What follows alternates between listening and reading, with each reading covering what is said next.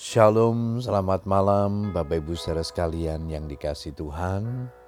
Kita bersyukur kepada Tuhan hari ini kita dapat beribadah di gereja dan menikmati kebersamaan dengan keluarga kita.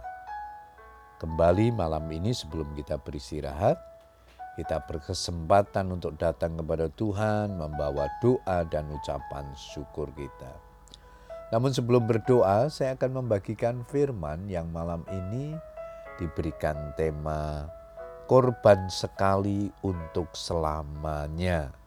Ayat mas kita di dalam Ibrani 10 ayat yang ke-12.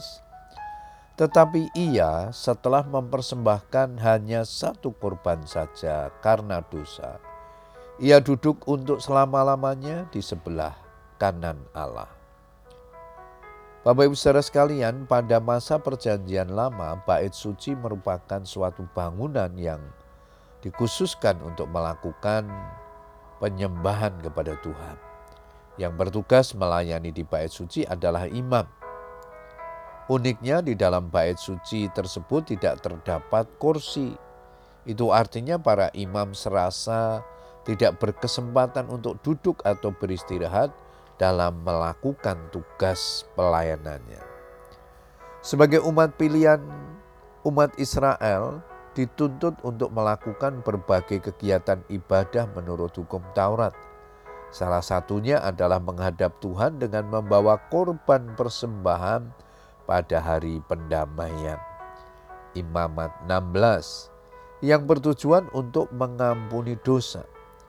Namun tidak bisa secara langsung mempersembahkan korban penghapusan doa kepada Tuhan, tetapi harus melalui perantaraan imam.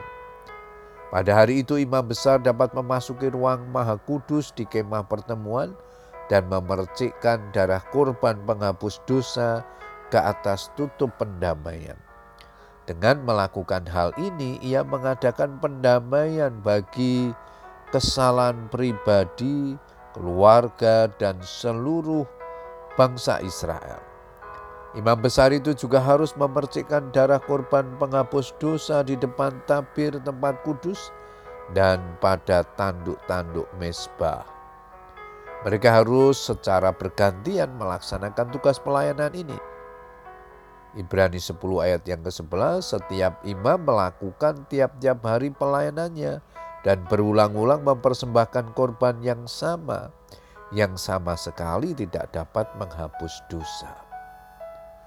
Berbeda dengan imam besar yang dikisahkan di Perjanjian Baru, penulis Kitab Ibrani tidak menyebutkan lagi bahwa imam besar tampak berdiri sibuk melayani, tetapi imam besar Perjanjian Baru setelah mempersembahkan hanya satu korban saja karena dosa, ia duduk untuk selama-lamanya.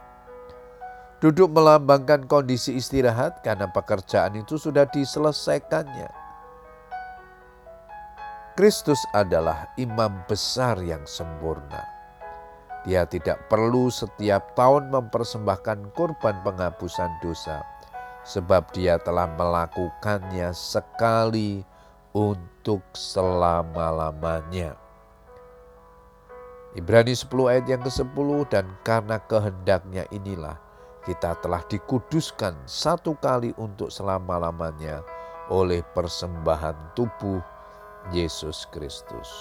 Puji Tuhan Bapak Ibu Saudara sekalian, firman Tuhan hari ini mengingatkan kepada kita bahwa Kristus telah mengorbankan dirinya menjadi korban penebusan dosa kita dia telah dikorbankan, dia telah mati untuk engkau dan saya.